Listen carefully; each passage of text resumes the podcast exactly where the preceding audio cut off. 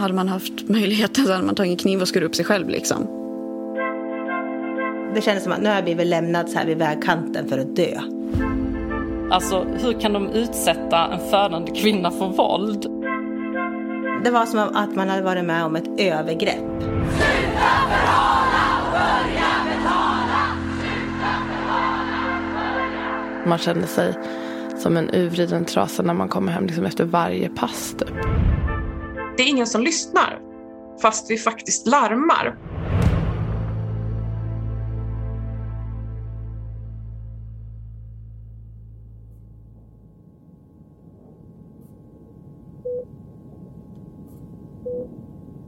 Rummet är större än min första lägenhet. Det finns plats för ett stort badrum, en säng, en soffa och medicinsk utrustning. Jag ligger på Södersjukhusets förlossningsavdelning i Stockholm. Det är maj 2020 och coronapandemin har förlamat Sverige. Det har blivit mörkt ute och efter att ha väntat i flera timmar på ett ledigt rum får jag äntligen komma in och få smärtlindring. Nu ska jag vila. Belysningen är dämpad och barnmorskorna talar lugnt. Men det blir inte mycket vila. De kommande timmarna sjunker min sons hjärtljud kraftigt vid två tillfällen. Den känslan av maktlöshet är förlamande. Min son, Ted, hade navelsträngen lindad runt halsen och i vissa positioner under förlossningen så drogs den åt. Han föddes medtagen men frisk. För oss gick det trots allt bra. Barnmorskan hade stenkoll hela tiden och läkarna hade tid att rusa in till oss vid larm. Ser vi till förlossningsvården här i Stockholm så håller den oerhört hög kvalitet. Och det beror den svenska förlossningsvården har ryktet om sig att vara en av världens bästa. Men de senaste åren har vi också mötts av rubriker om en förlossningsvård i kris. Det saknas barnmorskor i förlossningsvården. Flera kliniker i Sverige har svårt att rekrytera. I Karlskoga stänger förlossningen i sommar och på Mölndal sjukhus försvinner flera BB-platser när det nu ska sparas. Barnmorskor runt om i Sverige vittnar om en ojämlik förlossningsvård.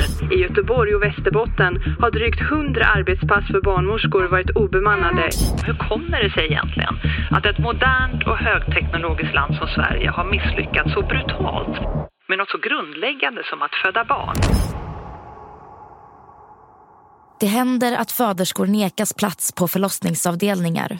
De möts av stressade barnmorskor som försöker göra sitt jobb under svåra omständigheter. Smärtlindring ges för sent, födande lämnas ensamma på rummen. Bebisars hjärtljud läses av fel och kejsarsnitt fördröjs. Vissa barn föds med syrebrist, andra dör och den födande kan drabbas av svåra skador och lämnas i värsta fall med både fysiska och psykiska ärr. Vad är det egentligen som händer i den svenska förlossningsvården? Hur går det för de föräldrar och barn som drabbas? Och hade skadorna och dödsfallen kunnat förhindras? I en granskande podcast i tre delar kommer Veckorevyn och Podmi försöka svara på det. Du lyssnar på Podmi dokumentär om förlossningskrisen i det första avsnittet ska vi titta närmare på de föräldrar och barn som är med om det som inte får hända. Jag heter Irena Porjar.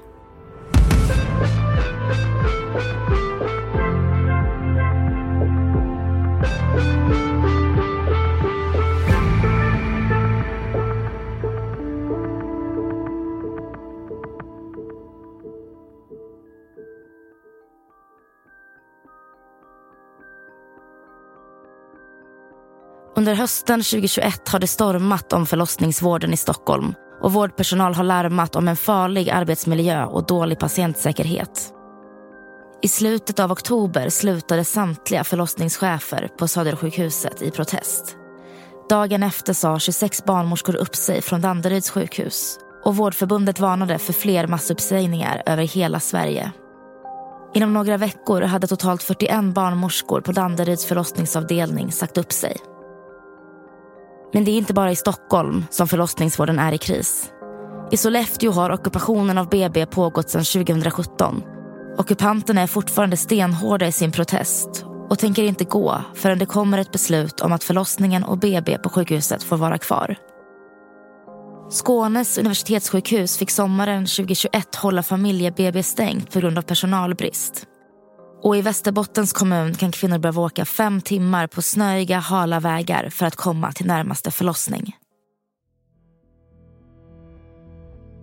Vi har gått igenom samtliga förlossningsrelaterade anmälningar som kommit in till Inspektionen för vård och omsorg, IVO, från den 1 januari 2018 till sista augusti 2021. Det är till den myndigheten den som upplever sig felbehandlad av vården eller vårdgivarna själva kan skicka in en anmälan. För att få en samlad bild av läget har vi sammanställt ärendena i en unik databas med uppåt 300 anmälningar vi har också gjort en enkät där vi samlat in svar från runt 500 kvinnor som fött barn i Sverige de senaste åren.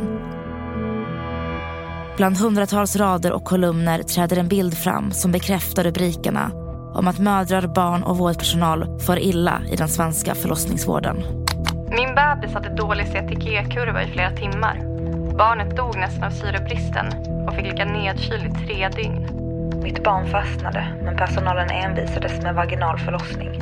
När barnet började må dåligt diskuterade och tjafsade vårdpersonalen om huruvida jag skulle få kejsarsnitt. De kunde inte komma överens. Jag hade ett planerat kejsarsnitt som jag på plats fick veta att de ställt in och jag blev istället tvingad till igångsättning. Fick föda utan bedövning för det hanns inte med. Min barnmorska försvann och under flera timmar lämnade hon mig ensam med en student. Studenten var stressad och orolig och jag minns hur jag försökte trösta henne. Anmälningarna gäller både skador på mammor och bebisar och enligt IVO och sjukhusen själva hade över hälften av dessa kunnat undvikas. Om CTG-kurvor inte hade misstolkats, om det hade funnits fler platser och om arbetsbelastningen inte hade varit så hög som den är idag. Bakom varje siffra i statistiken finns en historia. Vi har pratat med några av alla de som drabbats.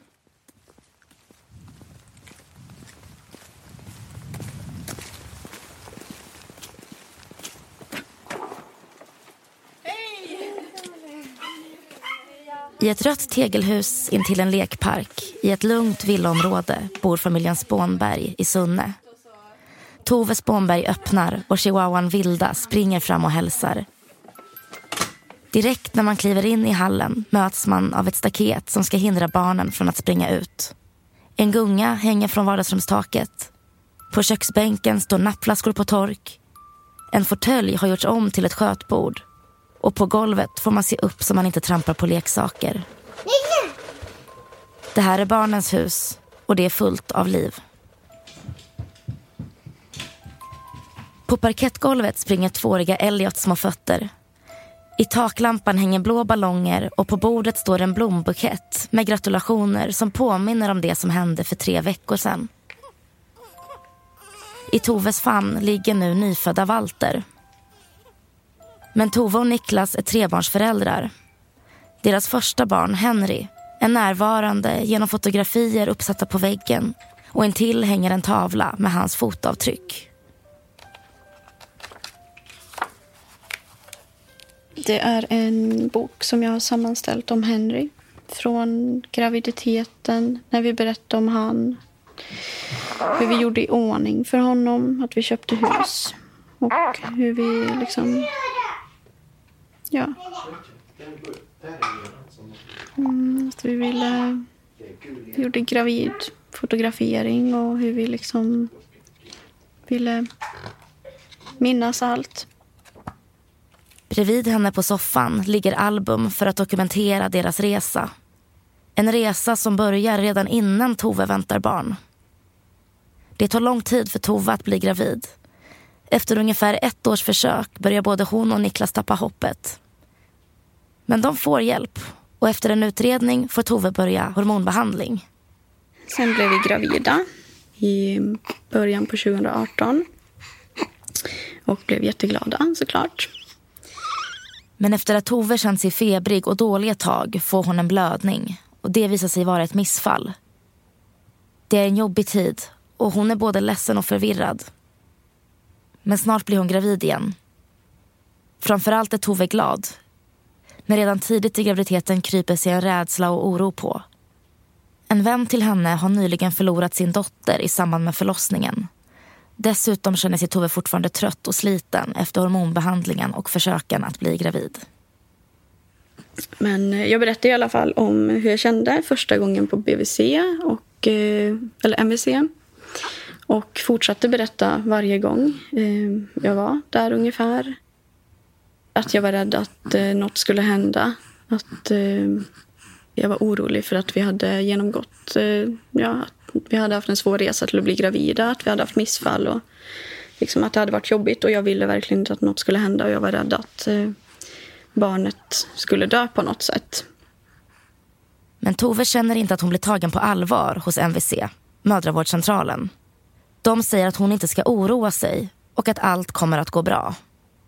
Man kände sig väldigt dumförklarad och ifrågasatt. Och hur, hur kan man tänka så där liksom? Men oron växte ju hela tiden och det var ju en, en ångest som utvecklades det ledde ju till sömnbrist och Niklas fick eh, försöka lugna mig på nätterna. Man försökte känna efter. Och det var liksom många resor in till förlossningen och många samtal av oro. I Toves journal står det vid flera tillfällen att hon upplever minskade fosterrörelser och är rädd att barnet ska dö. Men hon kommer inte erbjudas något stöd i oron förrän i vecka 40 och söker under graviditeten istället vård själv för att lyssna på barnets hjärtljud och försäkra sig om att allt är bra. Vilket det också är. Barnet verkar friskt. Ändå fortsätter Toves ångest och hon kan knappt vänta tills hon har barnet i sina armar. Att kunna se själv att han mår bra och slippa vara ensam om att behöva hålla koll på hur bebisen mår. Jag längtade ju till förlossningen och jag ville ju att den skulle ske. Och jag mådde ju väldigt dåligt av att vara gravid för att jag var så orolig och sömnbrist. Och, men mm, jag tror att jag klarar det och jag vill att ja, det kommer gå bra. liksom. Dagen innan Tove beräknade att föda upptäcker barnmorskan på MVC att hennes blodtryck är högt. Några dagar senare har det utvecklats till havandeskapsförgiftning. Havandeskapsförgiftning, eller preklampsi som det också kallas, drabbar ungefär 3-7% av alla gravida kvinnor i Sverige och ger sällan komplikationer. Men tillståndet kan kräva behandling med till exempel blodtryckssänkande medicin och ibland kan bebisen behöva födas tidigare än planerat. Eftersom Tove redan har gått över tiden säger barnmorskan på MVC att specialistmödravården på Karlstad sjukhus, där Tove ska föda, kommer att ringa Tove och Niklas för att prata om en igångsättning av förlossningen. Förväntansfulla åker de hem till huset i Sunne. Packar väskorna och pratar med förlossningsavdelningen. De är välkomna in.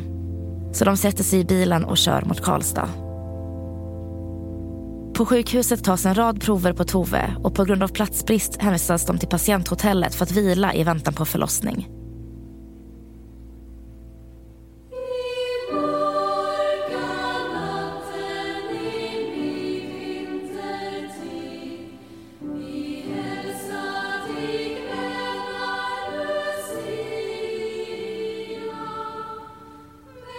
Runt om i landet tänds ljusstakar i fönstren och lussebaket är i full gång. Det är snart Lucia 2018 och det har gått två dagar sedan Tove och Niklas kom till Karlstad. De sitter i ett vitt sterilt rum och undrar vad som ska hända härnäst och när de ska få träffa sin efterlängtade bebis Henry som de har bestämt sig för att han ska heta. Till slut sätts Tove igång det dröjer innan hon får epidural och lustgas. Det börjar bli extremt smärtsamt. Liksom och hon har ont och svårt att hantera smärtan. Jag kan inte sova. Niklas börjar fundera på om det ska vara så.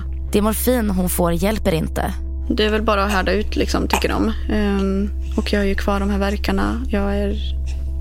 Då känns det som helt utmattad. Alltså jag sitter typ i duschen som ett spöke för att jag är så himla slut.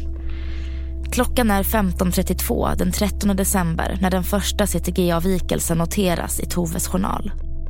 CTG kallas den apparat som hjälper vårdpersonal att hålla koll på bebisars hjärtljud och mående inne i magen under förlossningen. Tove sneglar på skärmen och följer kurvans toppar och dalar med stress och oro i kroppen.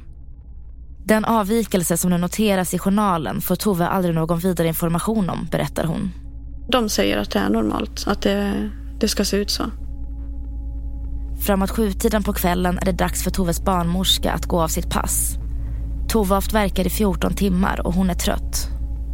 Och hon kommer in till mig och säger att hon ska gå av sitt pass. Men att snart kommer jag få snitt, snart kommer det lösa sig. Så hon, på något sätt så känns det som att hon ser paniken. Hon ser hur vi mår. Hon ser hur vi känner. Och hon uppenbarligen också då har ju någon form av oro liksom att nu får det här sluta, typ. Men sen kommer det in ett, en ny barnmorska och eh, det är väl därifrån som det eskalerar, eller hur man ska säga. Som det börjar kännas omänskligt liksom. Tove vet inte hur hon ska orka föda. Hon är trött och har ont och kristarbetet har inte satt igång ännu. Det är långt kvar. Och kejsarsnittet som den tidigare barnmorskan har pratat om blir inte av. Istället vill man att Tove ska försöka lite till. Smärtan är inte alls hanterbar. Jag känner liksom ren och skär panik. Jag får ingen luft mellan verkarna. Jag kan liksom inte... Jag bara spänner min kropp och känner bara liksom tortyr. Alltså, jag känner ren och skär tortyr. Det känns som att man är i en skräckfilm och man, man är helt hjälplös.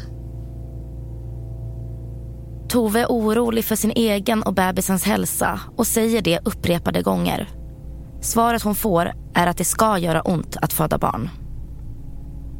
Och så fortsätter de ju bara. Det enda jag liksom fokuserar på är ju att det måste vara över.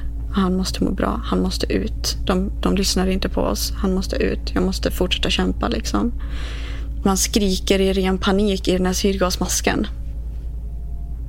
Vid midnatt har Tove varit igångsatt i ett och ett halvt dygn. Henry har fortfarande inte fötts. Tove har tidigare uppfattat att hon har blivit lovad ett kejsarsnitt. Nu blir hon mer och mer bedjande. Men vårdpersonalen vill att hon ska härda ut ett tag till. Till en början så litar man ju på att ja, men det kanske bara är lite till. För det var ju också någonting de sa, bara lite till, bara det här, bara lite till, bara det här, bara lite till, bara det här. Men där mot kvällen så har man ju, alltså man känner hade man haft möjligheten så hade man tagit en kniv och skurit upp sig själv liksom. En läkare upptäcker att Henry börjar må sämre i magen. Hon lämnar Tove och Niklas för att diskutera med en kollega hur de ska göra. När läkaren kommer tillbaka uppstår en diskussion om kejsarsnitt. Tove säger återigen att hon är rädd, trött och vill ha ett snitt. Men läkaren säger nej. Jag kommer ihåg att det sista hon säger till oss är, vill ni inte ha fler barn? Alltså då, då, det är så här, hon har redan bestämt sig för att vi ska inte snittas, känns det som. Och då känner man ju så här, jo men det är klart vi vill ha fler barn. Alltså, ja men då har vi inget val. Då, då fortsätter vi. Då går vi med på deras deal, vilket är att du får vila nu ett tag, sen så sätter vi igång. Och funkar det inte då så kommer du få snitt. Det är liksom ett löfte. Och då tänker man liksom att ja, men jag går med på det här sista nu. Det här är det sista. Och sen, sen kommer allt vara över. Liksom. Sen kommer man vara ute. Sen kommer jag få mitt snitt.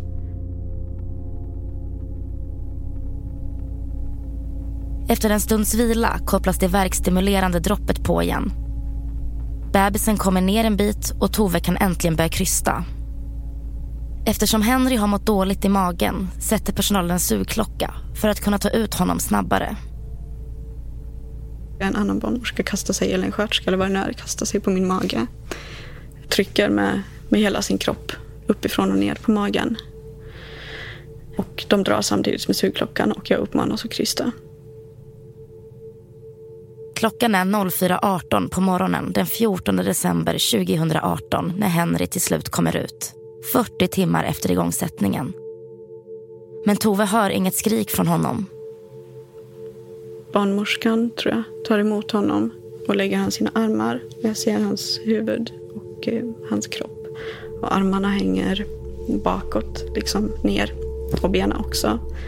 Och han är helt grå och han är helt... Eh, alltså han, han ser ju död ut. I mina ögon så ser han död ut. Nästan all vårdpersonal springer ut från förlossningssalen med bebisen och Niklas följer efter. Tove ligger kvar, ovetandes om hur Henry mår eller vad som händer. Jag ligger ju kvar där och blir sydd.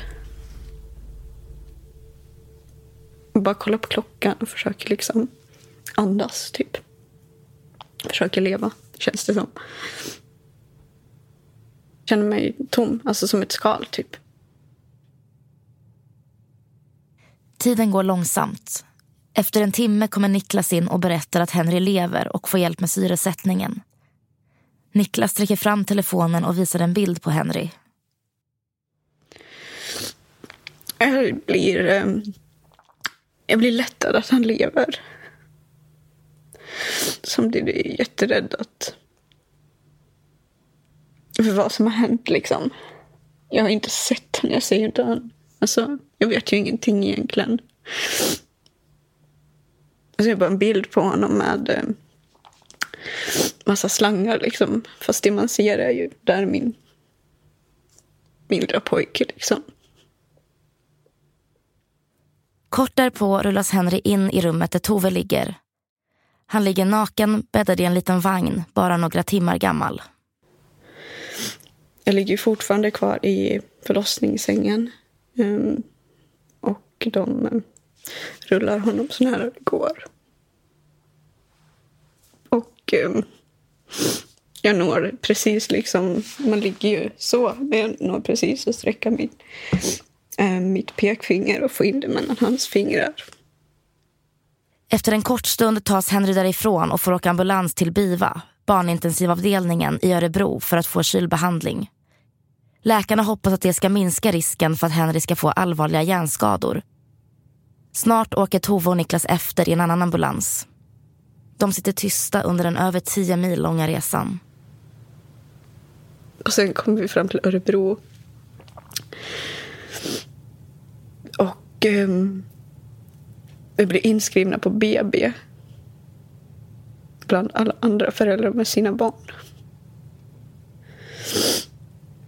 Och berättar om liksom allt. Vi, frågar om allt. Vad är det där? Vad gör den där? Hur mår han? Varför är den här här? Vad kommer hända? Och de förklarar liksom allt, alla, allt vi har att fråga. Liksom. Och vi känner oss på något sätt trygga. De säger ju till oss att han är stabil, men han är jättesjuk. Tove och Niklas får nu gå och hälsa på Henry som behandlas på avdelningen mittemot BB. Han eh, har slangar överallt. Alltså han har en slang i munnen, han har en sond, han har elektroder på hela huvudet. Han har en trasa för ögonen för att han inte ska...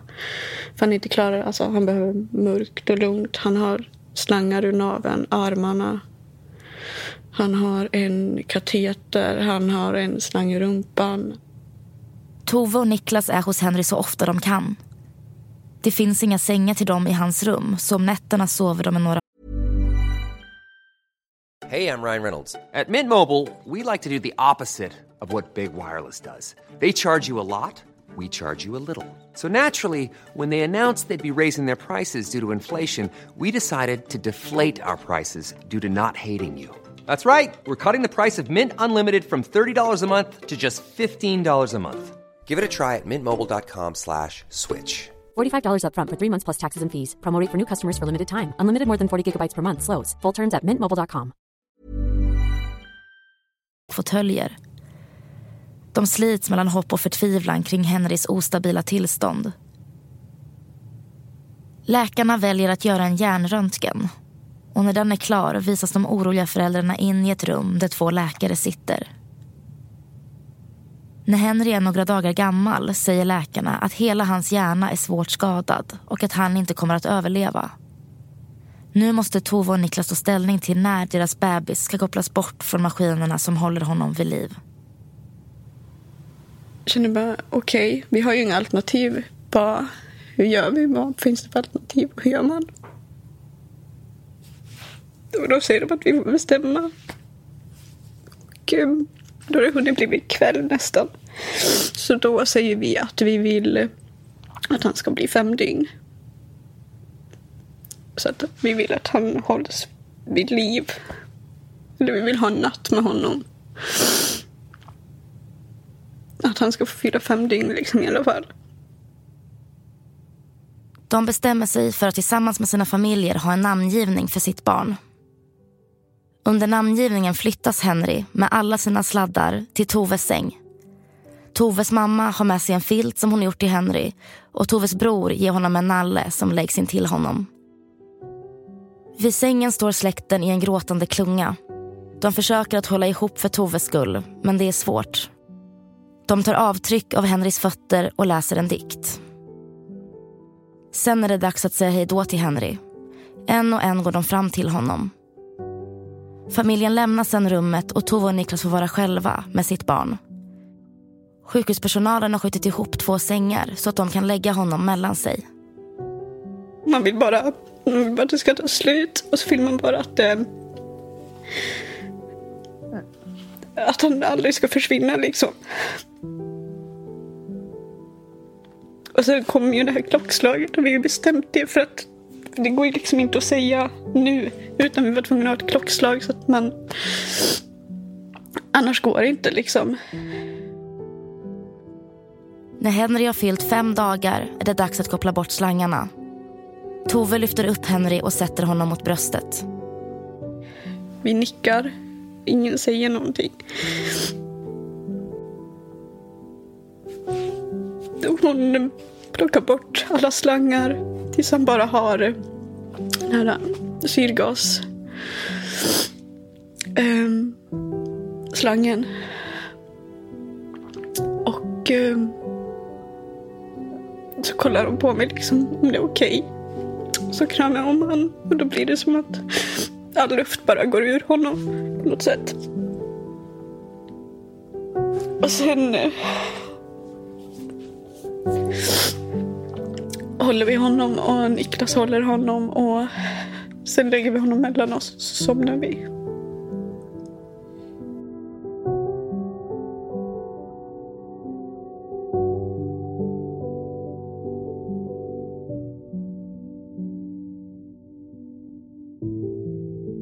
I huset i Sunne ligger bebiskläderna och väntar i byrån och den lilla sängen är bäddad. Men paret Tove och Niklas kommer hem från Örebro tomhänta. Istället är de utmattade i sorg och med huvudet fullt av frågor. Men det tar inte slut här. Nu börjar ett långt sökande efter svar om varför de förlorade sitt barn. Och hur det Tove oroat sig för under graviditeten blev verklighet.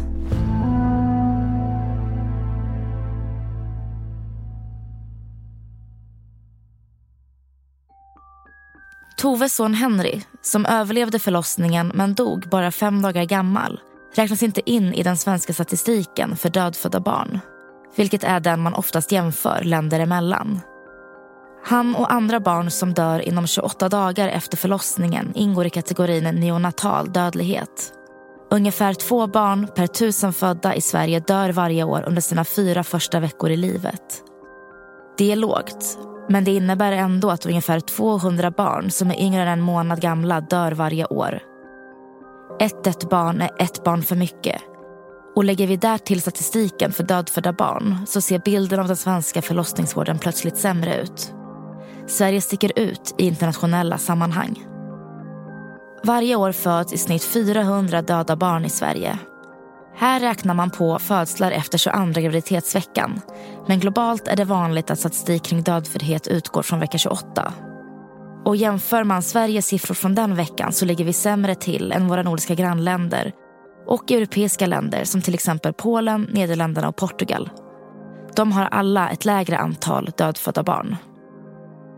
Och hur det kommer sig att Sverige inte ligger bättre till är något det forskas på.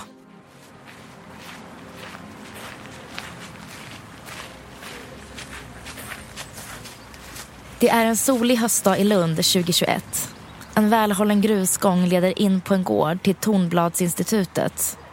En tegelbyggnad delvis täckt av slingrande vildvin som börjat färgas rött. Huset är känt för sin kontroversiella samling foster från människor och olika djurarter. Men här har det också bedrivits forskning inom bland annat embryologi och epidemiologi sedan 1930-talet. Jag har jobbat här sedan början på 90-talet. Och det är ett hus som donerades. För... På övervåningen sitter Karin Kjellén i ett nyrenoverat rum med grönskande träd rakt utanför fönstret. Hon är professor i obstetrik och klinisk gynekologi vid Lunds universitet och arbetar med frågor som rör graviditeter, förlossningar och nyfödda barn. Hon arbetar också med att ta fram rapporter på Socialstyrelsen. Karin Kjelléns forskning går bland annat ut på att försöka ta reda på varför barn dör, ibland innan de ens fötts. För de allra flesta fallen så vet man inte varför barnet dör i magen. Så vi behöver öka vår kunskapsbank om vad det är som händer. I Europa så ligger vi mitt i kan vi säga.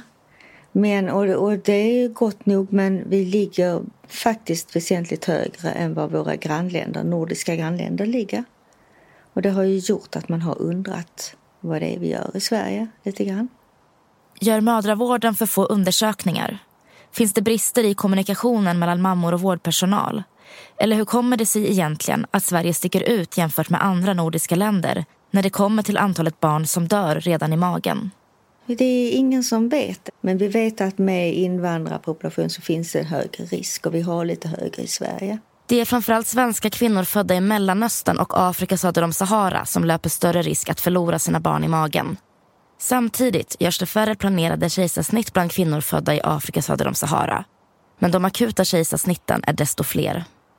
När det gäller planerade kejsarsnitt eh, då kan man tänka sig att i de länderna där de där kvinnorna kommer från så är ju ett kejsarsnitt det är ju förknippat med död och infektioner och osäkra behandlingar. Medan vi här, för i Sverige är det ju ett säkert ingrepp. Så att eh, det är lätt att förstå att de faktiskt inte vill underkasta sig den typen av intervention, även om de skulle behöva det. Det kan vara en förklaring. En annan förklaring kan ju vara att med de här bristande resurserna som vi har idag, man motar bort eh, gravida att komma in på kontroller, komma in till förlossning. Många upplever att de får tjata sig för att komma till, att det är svårt. Och om man då inte riktigt har svenska språket så kan man tänka sig att det kan vara lätt att liksom bli bortglömd. Det kan vara svårt att komma in och få de här extra kontrollerna om man nu tycker att barnet har börjat röra sig lite mindre och så. En annan förklaring kan enligt Karin Kjellén vara att vården inte lyckas nå ut med information till alla om vad som är viktigt att tänka på under en graviditet. Det finns också vittnesmål från vårdpersonal om att svarta kvinnors smärta inte tas på lika stort allvar. Något som bland annat kom fram i en enkät som Sveriges Radio gjorde och rapporterade om i juni 2021. Men skillnaderna handlar inte bara om olika etniska grupper. Hur hög utbildning den gravida kvinnan har kan också vara avgörande för hur bebisen kommer klara sig. Och det kan ju vara samma saker igen. Att det är lätt lättare att tjata sig till en undersökning om man pratar samma språk. Och man kan argumentera. Det ser också olika ut i olika delar av Sverige. Enligt Karin Kjellén föds färre barn döda i Stockholm och det görs också fler åtgärder där, varav kejsarsnitt är en av dem. Men det beror inte på att man i Stockholm är bättre på att upptäcka riskgraviditeter, menar hon. Även de som inte hade några riskfaktorer alls eh, var man lika aktiv i Stockholm.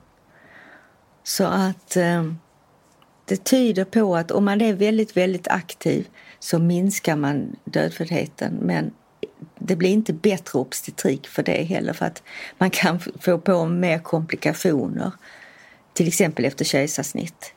De flesta tycker ju att man ska försöka hålla ner kejsarsnitt som inte har någon medicinsk indikation. I Toves fall ska det visa sig att Karlstad sjukhus har en önskan om att minska antalet kejsarsnitt. För att slippa bli ifrågasatt av kollegor dagen därpå ville läkaren därför förankra beslutet om kejsarsnitt med bakjour. IVO anser att en sådan kultur, där man är rädd att bli ifrågasatt, inte är förenlig med god och säker vård. Karin Kjellén menar att en anledning till att hålla nere antalet snitt är de ovanliga men allvarliga komplikationerna som kan uppstå vid en graviditet som efterföljer en graviditet som avslutats med kejsarsnitt. Men om mammans eller barnets hälsa är i fara ska det inte vara en diskussion enligt Karin Kjellén. Om det finns en risksituation så är ett kejsarsnitt ett bra förlossningsmetod i Sverige. Det går bra för barn, det går bra för mamma. Om det är en risksituation behöver man aldrig tänka på annat. Men om det inte finns en risksituation, om det är en frisk mamma med ett friskt foster, man vet ingenting, då är det betydligt färre komplikationer efter en vaginal förlossning än efter ett kejsarsnitt. Flera av de kvinnor som vi pratar med under arbetet med den här granskningen har en uppfattning om att vården drar sig för att göra kejsarsnitt av kostnadsskäl. Men Karin Kjellén ser inte att det skulle vara en faktor. Det allra, allra dyraste det är ju ett kejsarsnitt där man hade en risksituation som man inte utförde.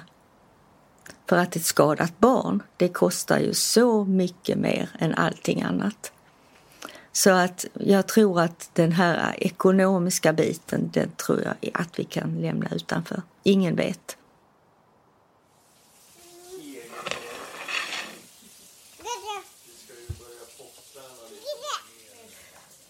Det har gått tre år sedan Henry dog, men hemma i huset i Sunne lever han kvar genom bilder och minnesföremål. På nedersta hyllan i ett vitt skåp står över tio pärmar med papper som kommit till efter en lång tid sökande efter svar på varför det gick så fel. Något som började i att de gjorde en IVO-anmälan. I den går det att läsa att Tove är kritisk till sjukvårdens insatser under graviditeten och under och efter förlossningen. Även om Tove var orolig redan tidigt i graviditeten så var det först senare det skulle hända saker som påverkade Henrys mående. Henry mådde bra flera timmar in i förlossningen men blev svagare under de 40 timmar som den pågick.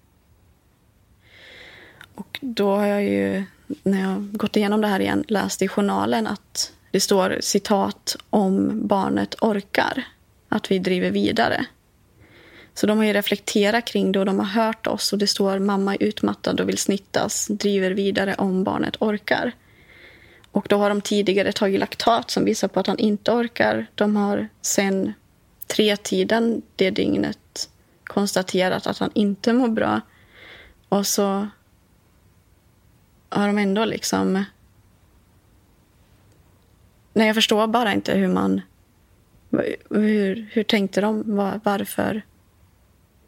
Alltså förlossningen var som att de bara prövade sig fram med nya metoder. De såg att det här var dåligt och det här kanske kunde funka. Och då provade vi det här och så testade vi lite till. Och det var det de sa till mig också, att bara lite till. Eller, um, både jag och Niklas som stod bredvid och såg på upplevde det som att det var någon form av levande experiment. Och jag upplever det också som någon form av alltså skräckfilm. Men ja, som ett levande experiment. Där man bara provade sig fram.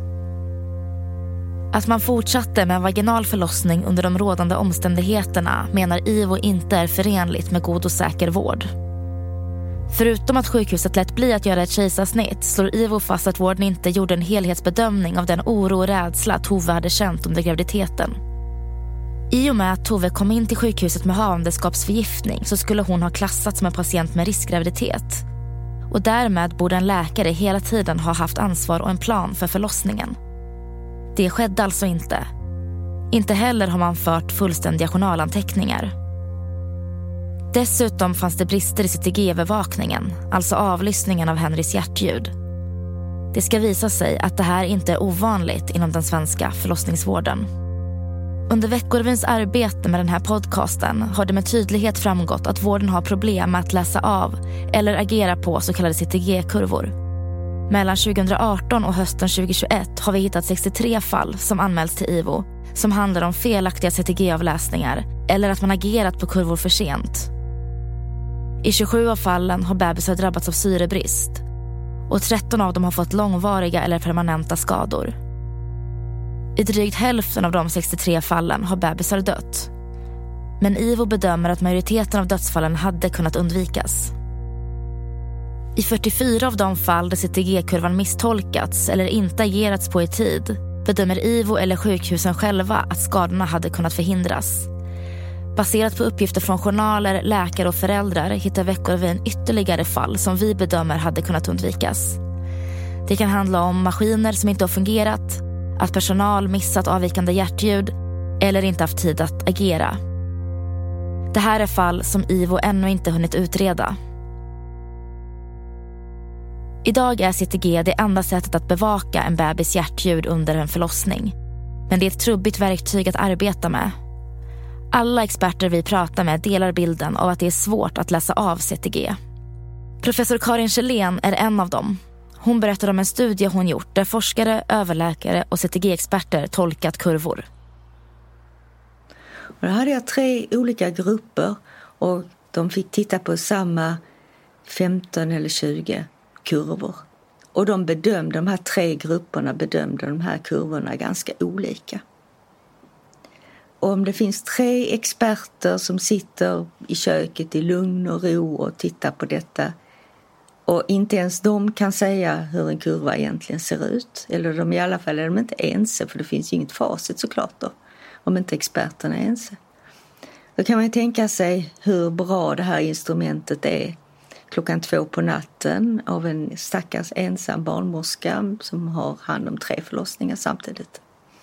Därmed är det inte sagt att det inte finns de som verkligen tolkar fel. Det finns kurvor som ingen hade, skulle missa. Det finns verkligen det som de här expertgrupperna inte heller hade missat. Så att jag säger inte alls att det inte görs fel. Det är svårt. Och den som hittar en bättre fosterövervakningsmetod kommer få Nobelpriset. Men så finns det också fall där CTG-kurvan tolkas korrekt. Där det går att avläsa att bebisen inte mår bra och där vårdpersonalen ändå inte agerar i tid. I Toves fall var kurvan tidvis dålig under loppet av 12 timmar och konsekvenserna blev förödande. Karin Kjellén kan inte uttala sig om det enskilda fallet men om CTG konstateras dåligt ska kejsarsnitt inte vara någonting man drar sig för att göra, säger hon. Då ska det ju inte vara någon diskussion om det, om, om CTG verkligen är dåligt. Men som sagt, sen är det är svårt att tolka. Det har ju gjorts ganska mycket insatser för att verkligen alla ska utbildas på CTG. På flera håll i landet måste barnmorskor och läkare gå en webbaserad CTG-kurs varje eller varannat år för att hålla sina kunskaper om CTG-avläsning uppdaterade. Det borde inte vara ett problem med att vi har för låg utbildning i Sverige. Jag tror att det handlar om att det är väldigt svårt. Och sen vet jag inte vilken mån det kan bero på att vi har, vi har dåligt med eh, resurser. Vi har ju många barnmorskor som vittnar om eh, sämre och sämre arbetsförhållanden. Det är mer och mer stressigt.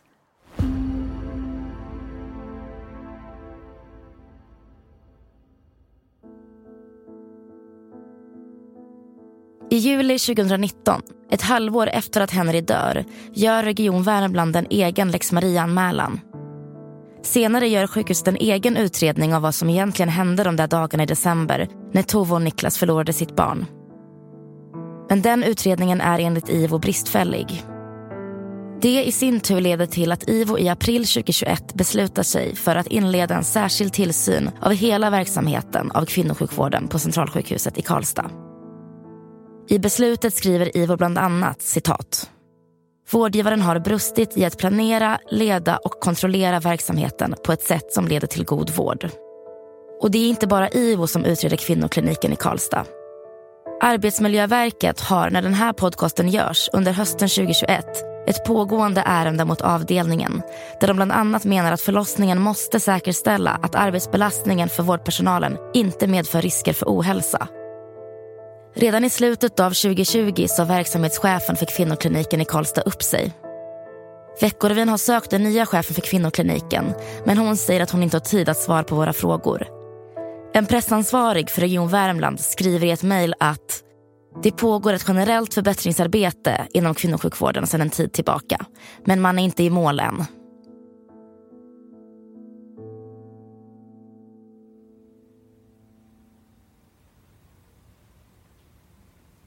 I familjen Spånbergs röda tegelvilla i Sunne har äldsta sonen Elliot just vaknat efter vila. Tove och Niklas som förlorade sitt första barn har därefter haft bra förlossningsupplevelser. Jag har haft en helt fantastisk läkare som har varit med med både Walter och Elliot. Eh, både i graviditeten och eh, de båda är födda med tidigt planerat snitt. Men smärtan och minnena från den första förlossningen finns kvar. Det var en olycka.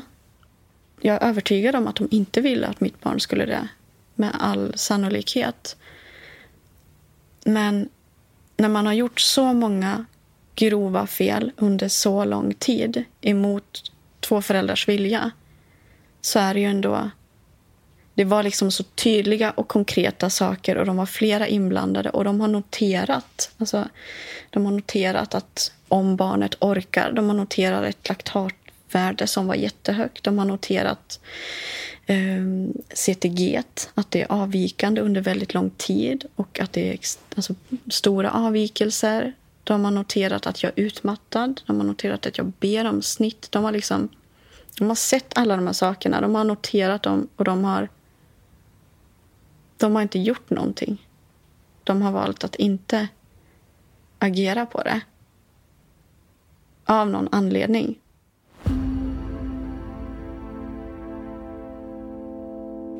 I nästa avsnitt. Min muskel var ju av.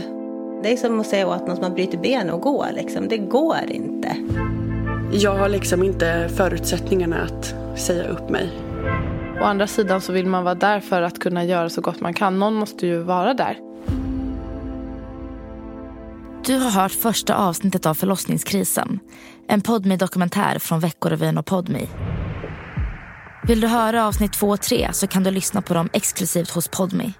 Ladda ner appen och starta din gratisperiod redan nu.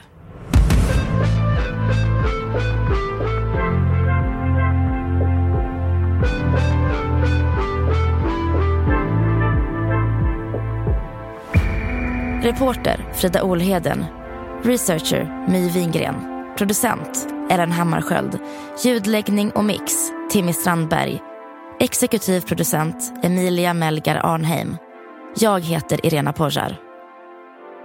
Ljudklipp i programmet kommer från Sveriges Radio och TV4.